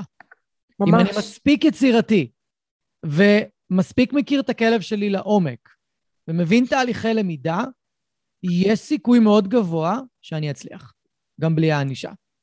כן, ואם אתה לא מבין תהליכי למידה או לא מספיק יצירתי, בשביל זה יש אנשי מקצוע. Mm-hmm. זאת אומרת, מאלפים מסורתיים, וואלה, אתם בקורס הייתם אומרים לי, כן, אבל, והייתי נותנת לכם דוגמאות, אז תעשו ככה. אה, אוקיי, לא חשבתי על זה. כאילו, זה פשוט בא עם הניסיון ועם גם הניסיון בשטח באימון של כלבים ושל פתרון בעיות התנהגות בלי ענישה, אבל גם הניסיון המחשבתי של אני מאוד טובה בלחשוב על הסיטואציה ולהגיד אוקיי זה בטבלה של הלא, בוא נשים את זה בעמודה של הכן ונגדיר את זה בצורה שאני יכולה להסביר אותה לכלב. אז אם אני לא רוצה שהכלב יקפוץ על האורחים, כשאני אשאל את הלקוחות שלי מה אתם רוצים שהוא יעשה, שהוא כן יעשה, אין להם תשובה. ברוב המקרים הם לא יודעים להגיד מה הם כן רוצים שהכלב יעשה. אני יכולה להגיד לפחות עשר התנהגויות חלופיות שהייתי רוצה שהכלב יעשה בסיטואציה, כן. כי אני מתורגלת בלחשוב על זה. וזה הסוויץ' שאנשים צריכים לעשות, וזה לא קשה. זה דורש קצת מאמץ, אבל זה לא קשה. וזה אחד המפתחות, הסודות האלה לאיך מחנכים כלב בלי ענישה. פשוט תגידו לו מה כן ותנו לו חיזוקים על זה, זה מה זה קל. אה, כן, בהרבה מקרים זה מאוד קל. ואת יודעת, נזכרתי בעוד משהו. את יודעת שכשדיברנו על אה, דיכוי של התנהגויות כתוצאה mm-hmm. משימוש בענישה, לא דיברנו על הדיכוי הכי מסוכן שיש. שכחנו לדבר עליו. של סימני אזהרה. כן. כן, וואי. הכי מסוכן שיש. וואו, ממש. הכלב זה... נוהם עלי, עלינו, ואנחנו מענישים אותו על זה שהוא נוהם עלינו, או על הילד שלנו, ואז כן. אנחנו חוטפים ביס משום מקום. זה הנשק הסודי שלי עם לקוחות, שיש להם או כלב שכבר מאיים או נושך, או כלב גדול, לא משנה אם הוא טאטה ללברדור, זה הנשק הסודי שלי. כי אני פשוט מסבירה להם, אוקיי, אתם יכולים להעניש אותו כשהוא מגרגר ולהגיד שאתם לא רוצים מי הוא בכלל שיעז לאיים עליי או לנהום עליי או על הילד שלי, איך זה יכול לקרות וזה, ובאמת, הרבה לקוחות שלי, זה מה שהם אומרים, אסור לו לנהום, מה זאת אומרת שהוא נוהם? ואז אני אומרת להם, אוקיי, אבל הוא עדיין רוצה לנשוך. מה עדיף, שהוא יגיד לכם שהוא רוצה לנשוך או שהוא פשוט ינשך? ואז הם בשקט, הם, הם במין דממה נדהמת כזאת של, וואט? רגע, מה?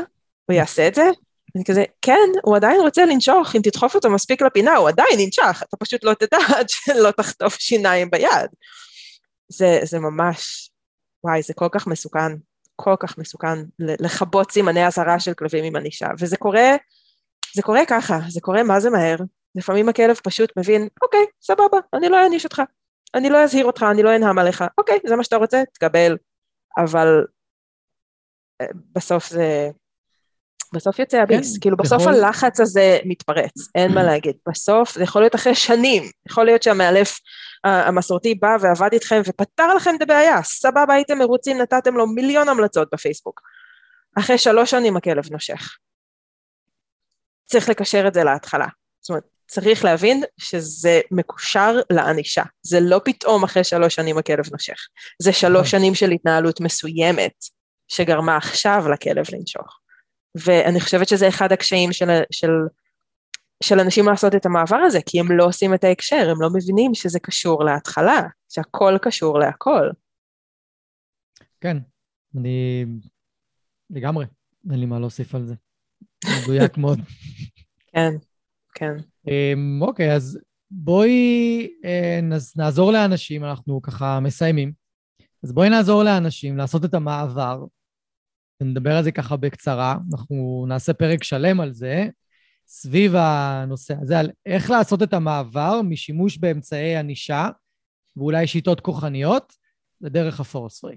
מה, בואו ניתן להם חמש, חמש דברים שהם יכולים להתחיל לעשות כבר היום, איך שהם מסיימים להקשיב. אוקיי. Okay.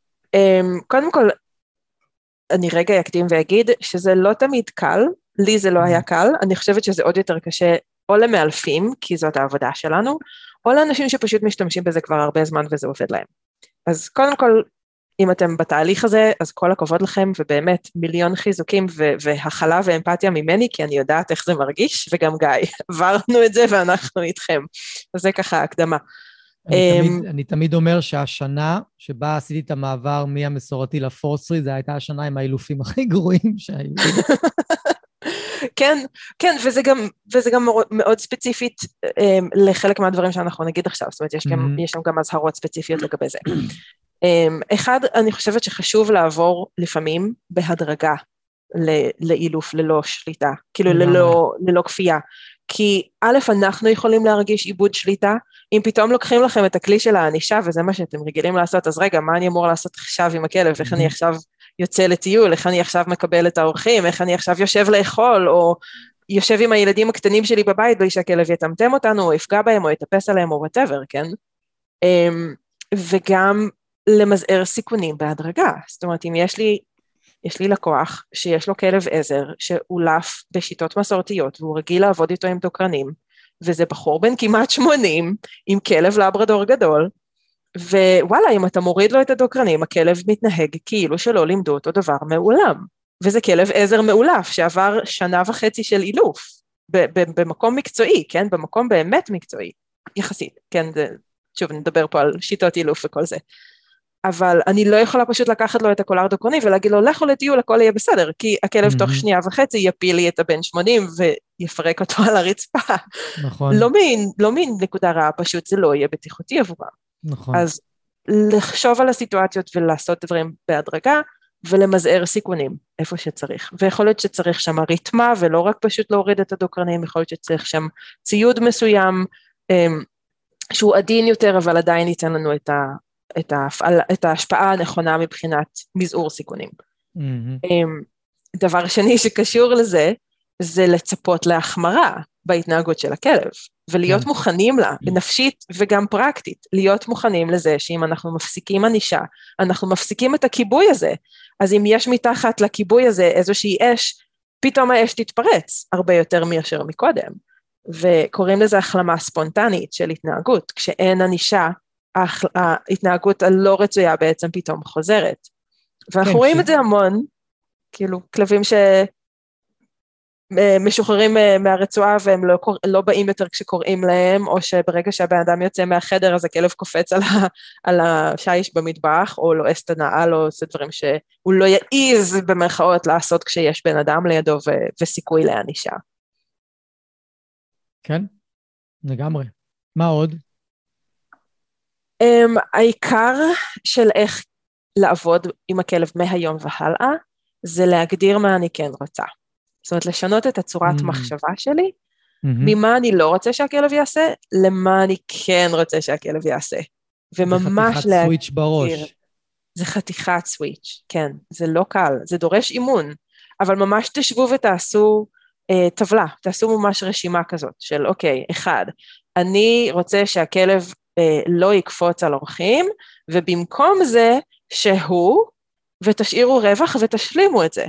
במקום mm-hmm. זה אני רוצה שהוא ישב, במקום זה אני רוצה שהוא יעמוד עם ארבע רגליים על הקרקע, במקום זה אני רוצה שהוא ילך ויביא צעצוע, um, במקום זה אני רוצה שהוא ילך וישב על המדרגות ליד הדלת ויחכה על המדרגה השלישית. זאת אומרת, תהיו מאוד מאוד ספציפיים במה במקום זה. והאמת שיש לי ממש um, דף כזה שאני נותנת ללקוחות חדשים, שיש עליו את זה ויש למטה מחסן מילים mm-hmm. של הנה הבעיה, הנה פתרונות אפשריים, וגם איך אני אמנע מהכלב לעשות את זה.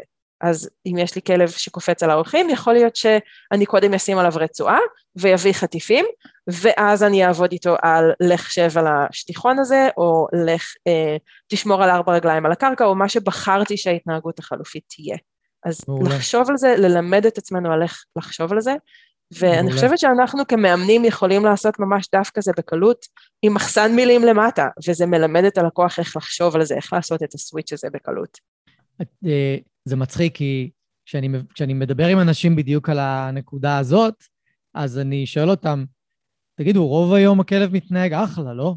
אומרים לי, כן, בבית יכול להיות אחלה, והוא סבבה, והוא יושב ושוכב ועושה מה שאומרים לו, ולפעמים זה רק בטיולים וזה. אוקיי, אז רוב הזמן הוא אחלה, לא?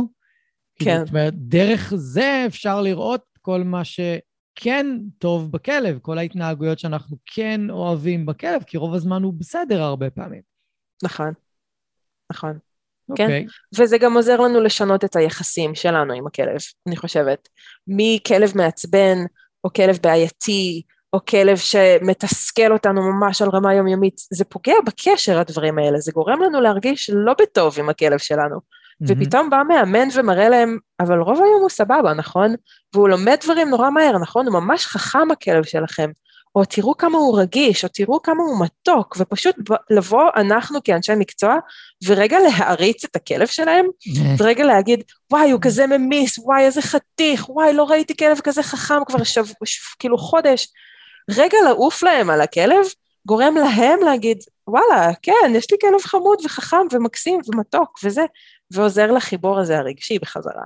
אז זה גם ככה נקודה, אם יש פה מאמנים שמקשיבים ולא עושים את זה, תעשו את זה, זה מדהים. כן, זה נורא מצחיק להיכנס לבית של מישהו עם כלב, נור... עם כלב תוקפן, שרוצה לתקוף אותנו בתור זה, ואז אחרי כמה דקות שהכלב כבר נרגע ושוכב לו בשקט, ופתאום אנחנו מסתכלים ואומרים לו, הוא ממש חמוד, אתם יודעים. נכון. לשנייה הוא נכון. רצה לאכול אותנו בכניסה הביתה, אבל אחרי זה אומרים, הוא די חמוד. כן. כאילו, וזה כן. אמת, זה אמיתי, זה לא סתם, כאילו, באמת. נכון. יש כלבים שהם נכון. פשוט, זה רק התנהגות, זה לא האופי האמיתי שלהם. נכון, וזה גם הרבה פעמים, הם פשוט מתגוננים. כאילו, זה לא נכון. אשמתם, הם פשוט מתגוננים. נכון. אמ, אז זה מוביל אותנו לדבר הרביעי שאתם יכולים לעשות, וזה להתחיל להשתמש בחיזוקים. ורצוי בחיזוקים, הכי קל זה פשוט חיזוקים של אוכל, זה צריך להיות אוכל שווה מאוד, ואתם צריכים להיות נדיבים כמו הברון רוטשילד. Mm. לחלק פה חז... ח... חטיפים וחיזוקים, ממש, על ימין ועל שמאל, על כל דבר שאפשר. מצידי קחו את כל האוכל של הכלב, שימו בכיסים, ותגמרו את זה לאורך היום, ולא בקערה בבוקר. כאילו פשוט תנו לו מאות של חיזוקים ביום, זה יכול להיות חטיף קטנצ'יק טעים, זה לא חייב להיות כמויות אדירות של אוכל שהוא יהפוך לקובבה, זה לא המטרה, ממש לא. המטרה היא לאמן אותנו, לשים לב למתי הכלב עושה דברים טובים, מתי הכלב הוא כלב טוב, מתי הכלב מתנהג בצורה, וואלה, אחלה, אתה עושה את זה, נהדר. וזה עוזר לנו גם להיות מוכנים לתגמל אותו בסיטואציות יותר בעייתיות, כי אנחנו כבר מוכנים מראש עם החטיפים, ואנחנו מוכנים לחפש את הדבר הנכון, במקום להיות מוכנים לתפוס את הכלב על חם עושה את הדבר הלא נכון, ולהעניש אותו על זה. כן, במיוחד עם כלבים שהם ריאקטיביים או חרדתיים, זה פשוט משנה גם את חוויית הטיול, לטיול הרבה יותר נעים. כן. הרבה יותר כן. כיפי, כאילו, יש, אה, יש משהו כיפי בטיול, זה נורא, נורא עוזר. Okay. אוקיי. כן, זה מכניס, אפילו אם הטיול עדיין קשה והכלב עדיין מתפרץ, רק זה שאתה מדי פעם תופס את הכלב נותן לך קשר עין, או הולך צעד אחד לידך בלי למשוך ברצועה ונתת לו על זה חטיף, זה, זה נקודה מדהימה מה שאמרת. כי מספיק שעשית את זה כמה פעמים בטיול, אתה מרגיש יותר טוב והכלב מרגיש יותר טוב, ושניכם תהיו יותר רגועים ושניכם תאהבו אחד את השני יותר. זה נכון. מדהים, זה הרגעי חסד האלה, הם כל כך חשובים, זה פשוט... אין, זה, זה, יש לזה כוח שאני חושבת שאנשים לא מבינים כמה כוח יש לרגעי kindness האלה, לחסד הזה, גם אם הוא כזה קטן של תן לו חטיף. כן, כי, כי, כי ברגע שיוצאים מהפרדיגמה של מערכת יחסים בין כלב לבן אדם של שולט ונשלט, ומסתכלים על זה כעל זוגיות, חברות, צוות, איך שאתם לא רוצים, כאילו איזשהו, איזשהו ייצוג ב, בעולם שלנו, אז הכל משתנה. הכל משתנה. בסופו של דבר אנחנו נשארים חברים של אנשים, כי יש לנו חוויות טובות איתם. כן. זו הסיבה כן, היחידה ו... שנשאר חברים של מישהו, כאילו, או בקשר איתו, או איתה. ולחלופין, אנחנו נפרדים מאנשים שמביאים יותר מדי אי נעימות לחיים שלנו. נכון. אם יש לנו שותף, או סתם חבר, חברה, שמעצבנים אותנו כל יום מחדש, או צועקים עלינו, מתעצבנים עלינו על כל דבר קטן, ו- ווואלה, זה פשוט הופך להיות לא כיף, ואז אנחנו מתחילים להימנע מהם. בין אם זה להיפרד לחלוטין ולהגיד להם, שכחו מזה, לא רוצה לדבר איתכם יותר, ובין אם זה פשוט להתחיל לסנן את השיחות שלהם, או לקחת שלוש שעות להגיב להודעה במקום מיד, או כן, די, יש לי כאב ראש, לא רוצה לצאת איתכם בערב. אותו דבר עם הכלבים, בדיוק. לא רוצה לבוא לתרגל איתך. כן? לא רוצה לבוא כשאתה קורא לי, לא רוצה לשבת איתך על הספה, כמו הדוברמן החמוד. כן. זה, זה לגמרי משמעותי. כן. מאוד. אז יאללה, בואי ניתן להם עוד אה, אה, משהו אחד שהם יכולים אה, לעשות. כן, לא להתייאש. כן. ובהמשך ללא להתייאש, תביאו עזרה מקצועית, אם צריך. כאילו, כן. לא להגיע תביאו... לרמת ייאוש כזאת שאפילו אין לכם כוח להביא את העזרה המקצועית. כן, לא לחכות. אתם לא צריכים לסבול. והכלב לא צריך לסבול, והשכנים לא צריכים לסבול. כאילו, אתם לא צריכים להגיע למצב של השכנים מתלוננים, או שהכלב נשך מישהו, או שנמאס לכם ואתם עוד שנייה מעיפים אותו מהבית, ואז טוב, אז בואו נתקשר למאלף ונחשב נוציא את הכסף ונשקיע את הזמן. למה לסבול ורק אז? כאילו, למה? זה הרבה יותר קשה לפתור את הדברים כשזה מגיע לנקודה הזאת, אפילו רק מהבחינה של אין לנו את המשאבים להשקיע בזה הנפשיים, הכוח, אין אנרגיה, כאילו כבר סבלנו כל כך הרבה שאנחנו כבר מותשים. אז לא לפחד, לקבל עזרה מקצועית עדיף בהתחלה, ולפעמים זה גם הרבה יותר זול, לפעמים כל מה שאתה צריך זה כמה שיעורים קטנים עם הכלב שלך, בשביל mm-hmm. לתת לך את הסוויץ', לתת לך כמה נקודות, ולא צריך להשקיע בתהליך אילוף שלם של, או תהליך טיפולי שלם, אם היינו מחכים עכשיו חודשים או שנים להתחיל אותו. Mm-hmm. אז אה, גם לא להתייאש, וגם uh, לקבל עזרה, ממש. לגמרי. אני חושב שעניין הייאוש, ככל שהכלב רגיש, ריאקטיבי, פה בארץ עם כל הפריות, זה, כן, זה קשה. זה חשוב, זה קשה, נכון? זה יכול להיות מאוד מאתגר, ואפשר לראות את זה ממש בפייסבוק וברשת, אפשר לראות את זה בהרבה מקומות, שסף הייאוש של אנשים הוא, הוא, הוא גדול, זאת אומרת, הם... קשה להם. קשה נכון. להם, במיוחד שיש תוקפנות כלפי בני הבית, אז הקושי נהיה אפילו עוד יותר גדול, ואז שם הרבה פעמים אנשים לא מבינים איך אפשר בכלל להתמודד עם בעיה כזאת בלי ענישה, כאילו... כלב תוקף אותי, mm-hmm. תוקף אותי, איך אני מתמודד עם הדבר הזה, ו... כן, מה, אני אמור עכשיו לזרוק עליו חטיפים כשהוא מנסה לתקוף אותי? אז מה, מה ההיגיון פה? זה לא הגיוני. זהו, אז יש היגיון, פשוט צריך לשמוע אותו מאיש מקצוע שבאמת מבין לעומק את הגישה של הפוספרי ויכול כן. לנווט אתכם בתוך הסבך הזה. ולפעמים נכון. כן, לנווט הולך להיות מאוד מאתגר, עם הרבה פשרות בהתחלה, אבל זה בדיוק ה, ה, המקום ש, ש, ש, הגדולה שלנו. יש לנו מוח, נכון. יש לנו קליפת מוח. אנחנו יכולים לתכנן קדימה. אנחנו יכולים לחשוב קדימה ולתכנן דברים ולתכנן אסטרטגיות. הכלב לא. ואז זאת אומרת שאפשר ממש לסדר כל כך הרבה דברים בסביבה של הכלב שהולכים להקל עלינו מאוד. פשוט צריך לפתוח את הראש למקום הזה.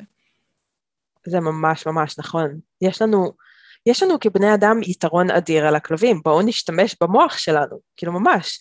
בגלל זה פעם היה לי עמוד עסקי, כש, כשעבדתי בישראל, אז היה עמוד עסקי של אה, לאמן בכוח, במוח ולא בכוח. Mm-hmm. וזה לגמרי זה, זה במקום להפעיל על הכלב כוח, תפעילו עליו את המוח ותחשבו על הסיטואציות. כי הכלב לא מסוגל לחשוב על זה, הכלב לא יודע לנתח סיטואציה או לנתח את ההתנהגות של עצמו. הוא יודע מה הוא מרגיש עכשיו, מה הוא חושב עכשיו ומה הוא רוצה עכשיו, ומתוך זה הוא מיד פועל. הוא גם לא יגיד, אוקיי, אני רוצה לעשות ככה וככה, אז בעוד שעתיים אני אעשה לו ככה וככה, שהוא יחשוב שאני לא אוהב אותו. אין, זה לא יקרה, זה מיידי אצלם, שזה גם אחד הקסמים שהם של כלב, שהוא גורם לנו לחיות יותר בעכשיו, בנאו, במיינדפולנס וכל זה. אבל זה יתרון שלנו שאנחנו חייבים להתחיל להיות המבוגר האחראי בסיטואציה, ולהשתמש במוח שלנו ולא בכוח, ו, ומתוך זה יש, יש אלף פתרונות, יש כל כך הרבה פתרונות, זה פשוט צריך למצוא אותם. לגמרי, ואולי כדאי לסיים בהבדל של בין שימוש בענישה לבין שימוש באקט כוחני כלפי הכלב, כי עכשיו יש לי מקרה חירום. שהרבה אנשים לא מבדילים בין הדברים האלה. כן. ואז אומרים לי, לא, אתה לא מאלף פוספרי, כי אם הכלב יקפוץ על בן אדם, אתה תמשוך אותו ואתה תשתמש בענישה. לא, זאת לא okay, ענישה. אוקיי, אז אני לא מאלפת פורספרי כי בעטתי בכלב פעם? אולי. אני, לצערי, בעט, עזוב את האילוף המסורתי, כן, שעשיתי שם דברים שאני בחיים לא אעשה אותם שוב, ואני עד היום אוכלת עליהם סרטים וחרטות, כן? אבל יצאתי לטיול עם הכלב שלי, זה כבר כלב מאוד מאוד עתיק אצלנו, אה, זה ברואין ז"ל, מי שמכיר אותו, והיה לי בידיים ילד קטן בן שנה וחצי שקוראים לו טאן, והיום הוא בן תכף 14, ויצא מאיזושהי חצר, יצא מאיזושהי חצר אה, כלב מלינוע, תוקפן, שהשער שלהם היה פתוח, והוא פשוט טס מהחצר ישר אלינו, וניסה לנשוך אותי ואת ברואין ואת הילד שלי שהחזקתי בדיוק בידיים, כי היינו בדרך לגן שמעבר לכביש. ובלי לחשוב פעמיים, אני משכתי את ברואין מאחוריי הצידה, כי ברואין תת הלב, הוא לא היה עושה שום דבר חוץ מלהינשך ולהיפצע, וסובבתי את היד השנייה, ופשוט בעטתי בכלב עד שהוא הסתובב וחזר חזרה לחצר שלו. כי לא הייתה לי ברירה אחרת, אין לי פה מה לעשות. יד אחת ילד קטן בידיים, יד שנייה כלב ברצועה, מה עוד אני יכולה לעשות כדי להגן עלינו ולעצור את הסיטואציה? אז כן, זה מקרה של הייתי חייבת עכשיו להפעיל כוח בנחישות ולעצור את הסיטואציה כדי שאף אחד לא ייפצע. וזה לא היה, לא שברתי לכלב רגל, כן? זה לא, לא בעטתי לו את הנשמה, אבל מספיק כוח ומספיק נחישות כדי שהוא יעוף משם ויחזור הביתה. זהו, נגיד, סיטואציה כזאת, אני חושב שאנשים מאוד יקבלו בהבנה, וכאילו הם יגידו, אוקיי, היית חייבת. אבל נגיד, אני, אה, סיטואציות שאנשים שואלים אותי לגביהם זה, עכשיו הכלב שלי התפרץ על בן אדם באמצע הרחוב. מה, בגלל שאנחנו לא משתמשים יותר בענישה, אז אני לא מושך אותו אחורה? אני לא יכול להשתמש בזה? אז אני אומר, לא, בואו נעשה את ההפרדה בין מצב חירום mm-hmm. לבין אה, טקטיקת אילוף יומיומית שאני בוחר להשתמש בה. כן. כן, תוציאו אותו מהסיטואציה, אל תתנו לו להישאר שם ולסבול עוד יותר, הוא לא נהנה בסיטואציה הזאת, הוא לא מנסה לנבוח עליהם או לגרש אותם או לנשוך אותם כי כיף לו, זה לא ספורט כלבני של IPO ושוטזון, זה כלב שמתוך סטרס מטורף עכשיו מנסה להגן על חייו בעיניו, אז וואלה, קחו אותו משם מסכן, גם אם זה אומר שאתם צריכים רגע לגרור אותו. כן. זה, ו... זה לטובתו. כן, ו- וגם יותר מזה, אני אומר, גם אם משכתי את הכלב, ברגע שהצלחתי להוציא אותו מהסיטואציה, שם זה נגמר. אני לא ממשיך כן. להגיד לו שהוא לא בסדר, אני לא ממשיך להעניש אותו, אני לא זוכר לו את זה, אני לא לוקח את זה ללב, אני לא עכשיו הולך ברחוב, אם הוא רק מסתכל לא יפה על בן אדם, אני מיד מתקן אותו כדי למנוע נכון. את מה. שהיה מקודם. לא, זה לא טקטיקת האילוף שלי, זה פשוט תגובת חירום שאני חייב לטפל בה באותו רגע. ויש הבדל ענק כן. בין תגובת חירום לבין שימוש בענישה חוזרת כל יום בבסיס קבוע. כן, אני לא אדכא את הכלב, את התגובות שלו בתור האסטרטגיה הטיפולית שלי בהתנהגות. אני פשוט משתמשת בזה, אם אני חייבת במקרה חירום, כמו שאתה אומר. אני חושבת שזה נכון מה שאתה אומר, אני לא זוכר לו את זה. הדבר היחיד שצריך להיזכר פה זה אני. אני פישלתי שם בסיטואציה, יכול להיות. לפעמים זה אני פישלתי כי לא ראיתי ש... הטריגר מתקרב, לא שמתי לב, הייתי בפלאפון, לרגע איבדתי ריכוז, לא משנה מה, ולפעמים זה פשוט life happens, בדיוק. כאילו shit happens, החיים רגע קרו, הפתיעו אותנו, לא נורא, פשוט תצאו משם. בדיוק. אז היחיד שצריך לזכור את זה בסיטואציה זה אני, כדי לנתח מה קרה ולהבין אם היה אפשר לעשות שם אחרת, כדי שזה לא יקרה שוב. אם אתם כל טיול נקלעים לסיטואציית חירום, אתם עושים משהו לא בסדר כנראה. או שאתם גרים בתל אביב, ואז אתם צריכים מישהו ש... מבין בזה ויכול לתת לכם אסטרטגיות שמתאימות לעיר הגדולה. לגמרי, לגמרי. Um, טוב, אנחנו מסיימים. וואי, איזה ב... פרק מדהים בעיניי. אני מקווה שגם המקשיבים יחשבו ככה, אבל בעיניי זה פרק חזק, איזה נושא חשוב. אני, אני גם מקווה שהם מרגישים ככה, אני מקווה שהם למדו, ומי שמקשיב עד עכשיו, אז כל הדברים שאמרנו לא היו ממקום של ביקורת או שיפוטיות, אלא מידע מקצועי נטו וחוויות אישיות ודרך הסתכלות שלנו. אין פה שיפוטיות. כל אחד בסופו של דבר, שיעשה מה שהוא רוצה. זה הכלב שלו, שלה. כן. כמו שאתם רוצים. אנחנו כן. לא, לא, במקום, לא ממקום שיפוטי למה שאתם בוחרים. אז... כן, זה יותר במקום של להאיר רגע אור. ולהראות, להראות את הסיטואציה אולי באור שהוא לא חשבתם עליו ככה, וגם uh, שיש אופציות, שתדעו שיש אופציות, ואתם לא חייבים להשתמש בדברים האלה אם אתם לא רוצים. ואני חושבת שרוב האנשים לא רוצים, פשוט חושבים ש, שצריך ושאי אפשר אחרת. כן, ותמיד אפשר לנסות, מקסימום זה יצליח, כמו שאומרים. כן, נכון. מעולה. נכון. אז נועה, אה, תודה רבה. תודה לך. מאוד מודה לך על, על, על, על שהסכמת להשתתף uh, עוד פעם. היה uh, כיף. מעולה. ואם מישהו רוצה לקבל עזרה ממך, גם מהארץ, את יכולה לעזור לו גם בזום, נכון? לגמרי. אני לוקחת לקוחות עכשיו מכל העולם. Uh, יש לי לקוחה מאירלנד ולקוחות פה מרהב ולקוחות מישראל. Um, גם בהקשר של עבודה התנהגותית, ובמיוחד במיוחד בשילוב של הרפואה ההוליסטית, לא בדיוק רפואה, אלא טיפול הוליסטי תומך mm-hmm. אה, רגשי, שתומך בתהליכים ההתנהגותיים. אז זאת אומרת, גם אם יש לכם עכשיו תהליך שאתם עוברים עם מטפל התנהגותי בישראל וזה לא מספיק, אה, אתם יכולים לקבל ממני את התמיכה ההוליסטית לתהליך הזה, וזה יכול לקדם תהליכים מאוד מאוד. וזה לגמרי בזום ובאהבה רבה, בכיף. מעולה. וגם אפשר לעשות כאן שאוט אאוט ל... לא יודע איך אומרים את זה ככה, לפודקאסט שלך, ש... זאת אומרת, כן, הוא כבר לא, אין לו פרקים חדשים, אבל יש פה המון פרקים. כן, הוא המון מידע. פודקאסט שעשיתי עם uh, משה שרייבמן וחן שניידר, קוראים לו מקשיבים לכלבים, mm-hmm. ויש פה המון המון המון מידע, um, והיה מאוד כיף לעשות אותו. וגם uh, מוזמנים ליצור איתי קשר ישירות, אם אתם רוצים. האתר שלי זה holisticspiritdogtraining.com, וזה גם בטח אה, תשים להם את זה ב show notes או משהו. אני אשים להם. אחלה, מעולה. ממש בכיף.